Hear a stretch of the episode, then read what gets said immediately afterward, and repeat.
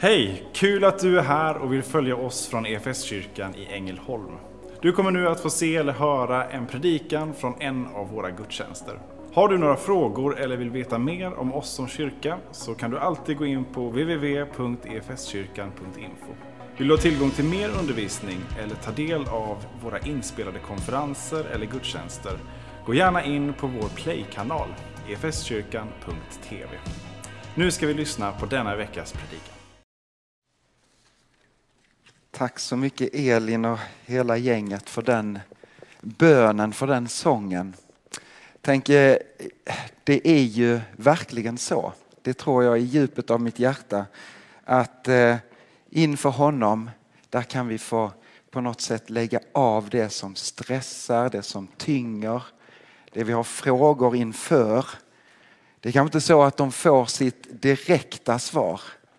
Men ändå att bara få vila i att Gud har saker i sin hand. Jag är nästan så jag tänker att, undrar som inte Paulus när han sitter och skriver Filipperbrevet, om nu den här sången hade varit formulerad redan då, att han hade sjungit den.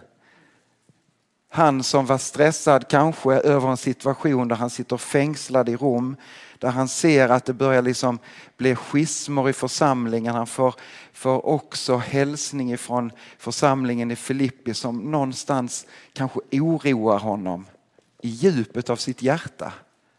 Hur ska det gå? Och så skriver han glädjens brev. Filipperbrevet. Trots att det kanske är egentligen mer orsak att uttrycka, men Gud hur ska det gå?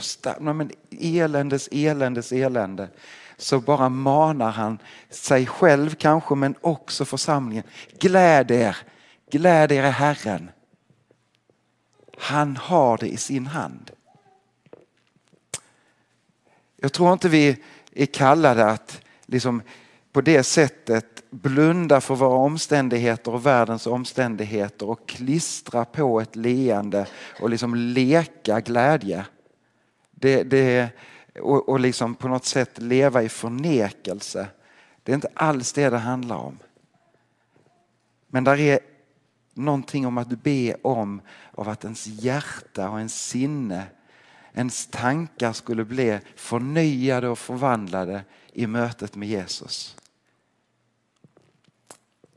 Prova att le där du sitter. Det är ändå rätt gött att le. Där är någonting som bara, det händer med en. Ibland så kan man faktiskt, och det handlar återigen inte om att oh, vi ska klistra på ett leende, men att låta kroppen få tala till oss. Likväl som vi kan lovsjunga på alla olika sätt och vi kan stå upp och vi kan sitta ner och det sitter inte i det yttre. Men ibland så får det yttre ändå tala till oss. Alltså vet ni vad, inför den här gudstjänsten idag. Jag, jag, är inte den mest karismatiska, jag har inte de mest karismatiska uttrycken. Ibland när jag tänker att och nu har jag varit riktigt i gasen och så går man in och, och, och kanske ser på predikan i efterhand. Inte för att jag är så intresserad av att lyssna på mig själv, även om jag vet att jag har mycket viktigt att säga till mig själv. Så, så har jag fått en känsla här inne att jag har farit omkring och så ser jag att jag detta är det mest karismatiska uttrycket från mig. Men alltså, det, det porlar på insidan. Har sånt enormt hopp för vår nation och för vår värld. Om väckelse. Om förvandlade människoliv som, som får sitt liv i helt nytt perspektiv. I den djupaste sorg att det ändå får födas glädje. Jag har inte det hoppet för att, för att jag liksom anar det, liksom, utan snarare så är det någonting i mig som gnager. Men gode Gud, hur ska det gå? Men jag litar ändå mer på Guds ord än de omständigheter jag ser omkring mig. Jag litar mer på Guds ord än vad jag känner. Jag är med er alla dagar till tidens slut. Jag har all makt i himlen och på jorden. Gläd er. Än en gång säger jag gläd er i Gud, i Herren. Kärnor, jag skulle ju... Tack för sången och bönen. Men vi skulle ju fortsätta läsa Filipperbrevet. Men det knyter faktiskt väldigt tydligt an till, eh, till hela det brevet naturligtvis, men också till, till det, den delen vi ska läsa tillsammans idag. Vi, vi fortsätter i vår läsning och har du inte varit med eh, i kyrkan de senaste fyra, fem veckorna så stiger du rakt in i en serie där vi har sagt att vi vill inte bara liksom plocka några verser ifrån Filipperbrevet och stanna upp inför någon speciell, utan vi ska få läsa hela brevet tillsammans. Och idag blir det ju en del, men under åtta veckor så får vi ändå möjlighet att, att läsa tillsammans eh, hela brevet. Och vi har kommit fram till Filipperbrevet 3 och vi ska läsa de elva första verserna. Paulus har här innan kommit med sin hälsning till församlingen. Han har också eh, beskrivit sin situation, att han sitter fängslad i Rom och, och, och någonstans förklarar hans situation. Och så kommer han med maningen till församlingen att få leva i Herren i ödmjukhet och att stå enade. Och så kommer vi fram och får börja läsa i början på kapitel 3 och det är som att som att Paulus han tar ny fart i brevet här och riktar in sig på ett nytt ämne eller ett nytt spår som är viktigt. Och han kommer med ett varningens ord till församlingen i det här stycket. Men vi läser tillsammans från kapitel 3, vers 1 och framåt. Alltså mina bröder, gläd er i Herren. Och hela församlingen dog. Att jag upprepar vad jag redan har sagt besvärar inte mig och er ger det trygghet. Var på er vakt mot de där hundarna, de där skadegörarna och den där sönderskärelsen. Ty omskärelsen, det är vi som tjänar Gud i vår ande och har vår stolthet i Kristus Jesus och inte förlitar oss på något yttre. Fast jag för min del kunde ha rätt att göra det också. Ja, om någon tror att jag kan förlita mig på något yttre, om, om någon tror att han kan förlita sig på något yttre så kan jag det ännu mer. Jag som blev omskuren på åttonde dagen, som är av Israels folk, av Benjamins stam, en hebré född av hebreer. I laglydnad en farisé i trosiver en kyrkans förföljare, i rättfärdighet efter lagen en oförvitlig man. Allt sånt som var en vinst för mig har jag för Kristi skull kommit att räkna som en ren förlust. Ja, jag räknar faktiskt allt som en förlust jämfört med det som är långt mera värt. Kunskapen om min Herre Kristus Jesus för hans skull har det andra förlorat sitt värde för mig. Jag kastade på sophögen för att vinna Kristus och för att få leva i honom. Inte med den rättfärdighet som lagen ger utan med den som kommer av tro på Kristus. Den rättfärdighet som Gud ger åt dem som tror. Jag vill lära känna Kristus och kraften från hans uppståndelse och dela hans lidande genom att bli lik honom i en död som hans. Kanske jag då kan nå fram till uppståndelsen från de döda.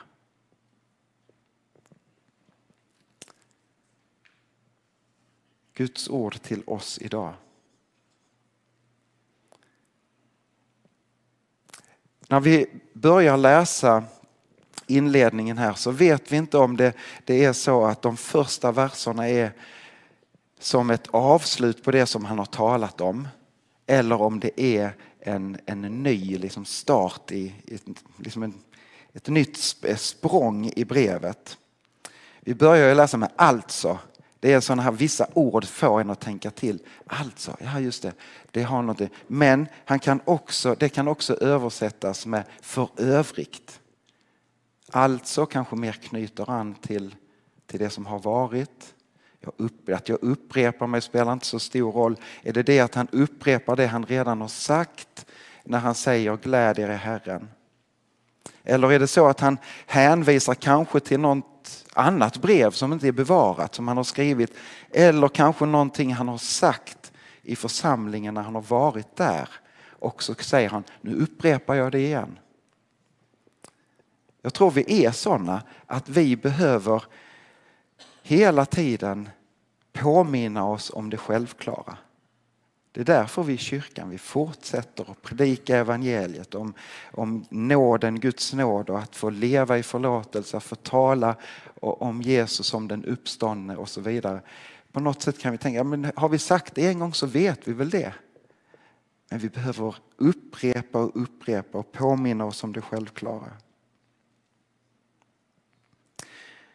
Oavsett så, så stryker Paulus under eh, några varningens ord. Att Paulus han har en sån omsorg om församlingen. Han, han, skulle ju kunna skriva som läromästaren, som grundaren av församlingen och säga nu har jag något viktigt att säga. Istället så, så ställer han sig tillsammans med sina medsyskon. Säger bröder, systrar, syskon. Vi står tillsammans. Han knyter an till församlingen på, på ett sätt som att jag kommer inte ovanifrån utan, utan vi, vi är i samma situation. Väldigt ödmjukt kommer han. Och så säger han att ni ska se upp med de röster som har börjat göra sig påminda in i församlingen, in i kyrkan. Det har börjat komma, komma människor till församlingen i Filippi som, som har sin grund rotad i den judiska traditionen, förmodligen alldeles med säkerhet har kommit till tro på Jesus Kristus, men börjat resa runt också i de hedna kristna församlingarna och tala om de judiska sederna och bruken och omskärelsen på ett sätt som får Paulus att reagera. Nej, nej, nej. Ni är omskurna i era hjärtan. Låt er inte luras att förlita er på det yttre. Ni som är inympade i trädet. Ni behöver inte längre förhålla er till de här lagarna och reglerna. De här judaistiska missionsrörelsen som, som gör sig påmind, inte bara i Filippi utan också på några andra ställen, går Paulus är stark på. Han skräder inte orden. Han omnämner dem som hundarna. Det är ett skällsord som för de gudlösa och de som är långt borta från Gud. Han säger det till sina trosyskon. Inte för att liksom säga att de är gudlösa. Men han markerar något. Han vill markera något alldeles oerhört viktigt. När Paulus han, tidigare i brevet i, i kapitel 1 så, så läste vi ju om hur han hade en väldigt ödmjuk hållning inför dem som predikade med ett syfte att ställa sig i polemik med Paulus. Han säger i Rom är det de som predikar evangeliet med goda avsikter men det är också de som predikar evangeliet med onda avsikter för att jag ska komma i sämre dagar. Och det spelar honom inte någon roll. Säger, det spelar ingen roll, jag gläder mig Herren, bara evangeliet blir förkunnat. Men när evangeliet blir förvanskat, då skräder han inte orden. Då säger han ifrån på allvar. Och att det här är en rörelse som, eller personer som kommer till, till kyrkan som förmodligen har en ganska stor auktoritet utifrån sitt arv och de, de kommer där. Och då, då Paulus han lyfter fram sitt eget liv. Lyssnar ni på dem så ska ni veta att ni har ännu större anledning att lyssna på mig. Och så beskriver han sig själv som jag som själv är omskuren på åttonde dagen. Jag som är en del av Guds folket. Jag har det yttre tecknet på att jag tillhör Guds folket. Och inte bara det, utan han säger också att han är det sju, han stryker under liksom med sju grejer. Jag är av israeliskt ursprung. Från födseln har jag tillhört Guds folket. Jag är inte en proselyt som har liksom sagt ja efter. Från början. Och inte nog med det, utan jag tillhör Benjamins stam. Den mest aktade stammen. Han stannar inte heller där vid. Utan han säger, jag är en hebré född av hebreer. Jag har språket, jag är en del av Guds folket. Och så fortsätter han att säga, och jag tillhörde också fariseerna. Och jag har haft de läromästarna i min, min utbildning och min, min undervisning som är av absoluta toppskikt. Och jag var nitisk i min övertygelse. Och i min, min nitiska övertygelse så var jag en ivrig förföljare av församlingen. Han håller fram det som ett exempel på att han har auktoritet att tala i det här sammanhanget. Och inte nog med det. Alltså hur säger han? Ja, by the way. Jag är av rättfärdighet en oförvitlig man. Han framhäver ju sig själv ganska rejält. va? Men han gör inte det för att framhäva sig själv utan han gör det för att på något sätt säga lyssna på det jag har att säga. Jag har auktoritet att tala i förhållande till de andra röster som börjar göra sig påminda. Och så säger han men. Det är också ett sånt ord som när man läser sin bibel. Men, då kommer det något nytt. Och så börjar han beskriva sin upplevelse av sig själv och allt det som han har räknat som en vinst genom livet i förhållande till mötet med Jesus. Ett möte som förvandlar honom totalt. Men allt det som jag räknade som vinst räknar jag som en förlust i förhållande till, kanske inte att allt var dåligt, absolut inte.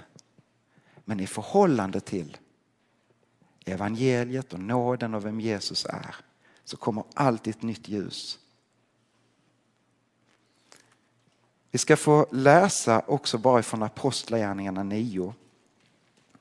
De första fem verserna där, där Lukas som skriver Apostlagärningarna återberättar mötet som Saul, heter han ju egentligen, får ju sen namnet Paulus.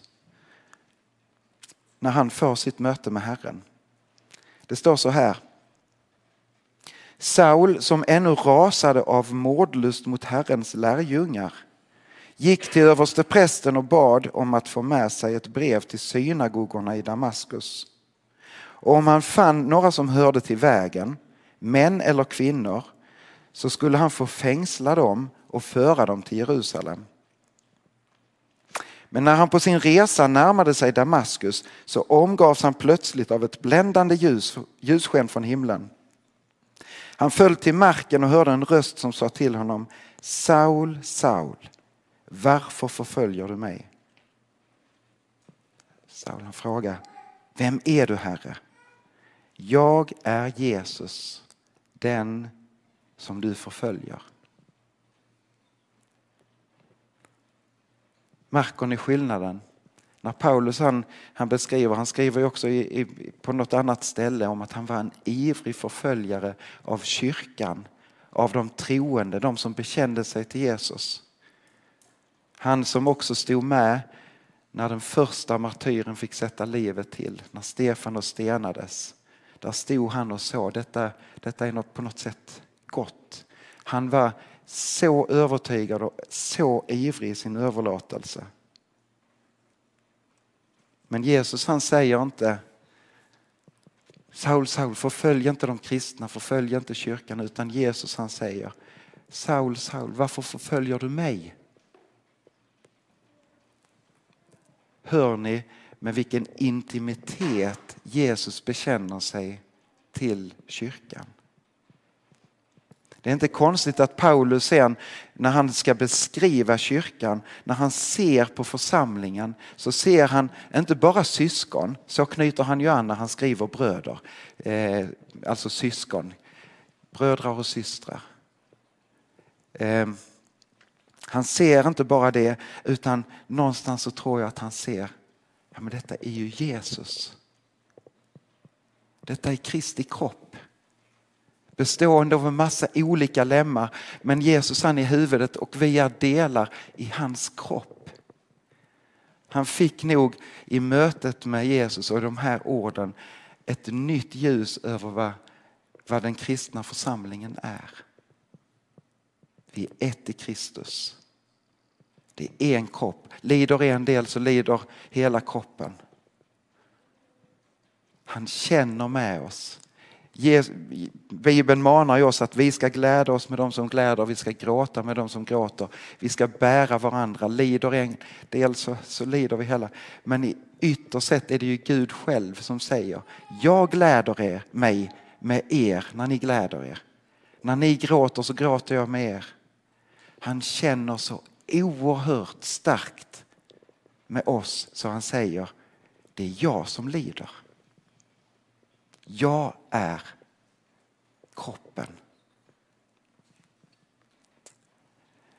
När Paulus han ser på församlingen och kyrkan så, så tror jag han ser Jesus. Och jag vill bara ställa frågan till mig själv och till dig.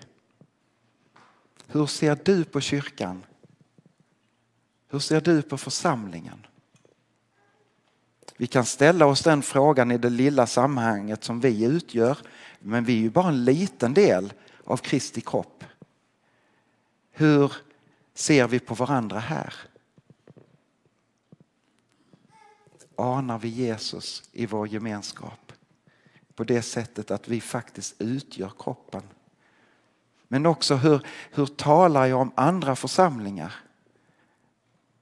I Guds underbara ekumeniska träd med så många olika nyanser. Och ibland så kan vi tycka att min nyans och mitt uttryckssätt det passar inte riktigt ihop med ett annat. Men, men vi hör ihop i Kristus alldeles oavsett. Så kanske vi börjar träta om någon teologisk sanning som är urviktig för mig och för någon annan var det visst inte alls viktig. Och, och vi får väl stå i den spänningen. Men alltid påminna oss om att vi är ett i Kristus. Hur omtalar vi varandra? Hur önskar vi det bästa över varandra? Och vad jag längtar efter väckelse och tillväxt också på den här platsen. Men lika mycket för varje plats där man samlas i hans namn. Amen. Detta gjorde någonting med Paulus hjärta. Och han ger sig också uttryck i, i det i, i brevet här när han säger, alltså tänk det är ändå Paulus som säger detta. Som fick möta Jesus på vägen till Damaskus på ett så tydligt sätt så att kanske det ändå är tydligare än i alla fall för mig. Och det sätter prägel i hans liv. Han är driven av kärleken från Jesus men också kärleken till Jesus. Ändå så skriver han och säger Jag längtar efter att lära känna Kristus och kraften från hans uppståndelse. Oh. Paulus smittar mitt hjärta. Jag vill också ännu mer ha den ivern att Jesus, jag vill lära känna dig mer. För dig som har vandrat med Herren många, många år. Tappa inte den första glöden. För dig som ännu inte känner Herren på det sättet, bjud in honom som en vän och bli sådär tonårsförälskad som liksom bara tänker sig inte för utan sitter uppe hela natten och bara umgås. Man blir ju aldrig trött när man är nyförälskad. Nu blir jag helt plötsligt karismatisk i mitt uttryckssätt. Man blir ivrig när man är förälskad på djupet. Och det är som man är otröttlig. Jag anar detta i Paulus uttryck. Jag längtar efter att lära känna Kristus ännu mer. Och kraften ifrån hans uppståndelse. Vilken kraft är där i Jesu uppståndelse? Vilken kraft var det som uppväckte honom från de döda? Guds kraft, den heliga ande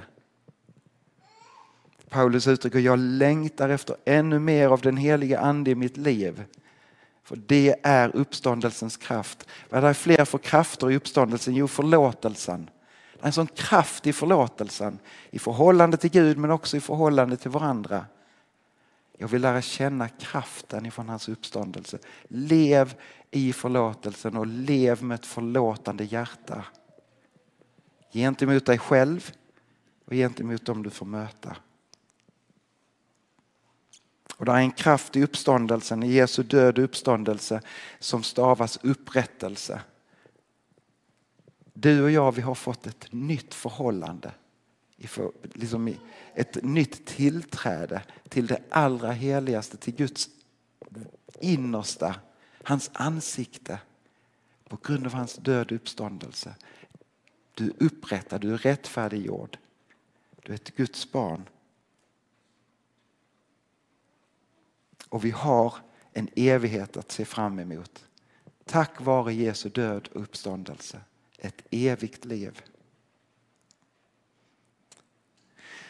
Så låt oss hålla fast i, trots att det kanske ser otroligt mörkt ut. Vi ska inte blunda för det, vi ska ta vårt böneansvar för det. Men också samtidigt påminna oss vilken skatt vi äger i Herren.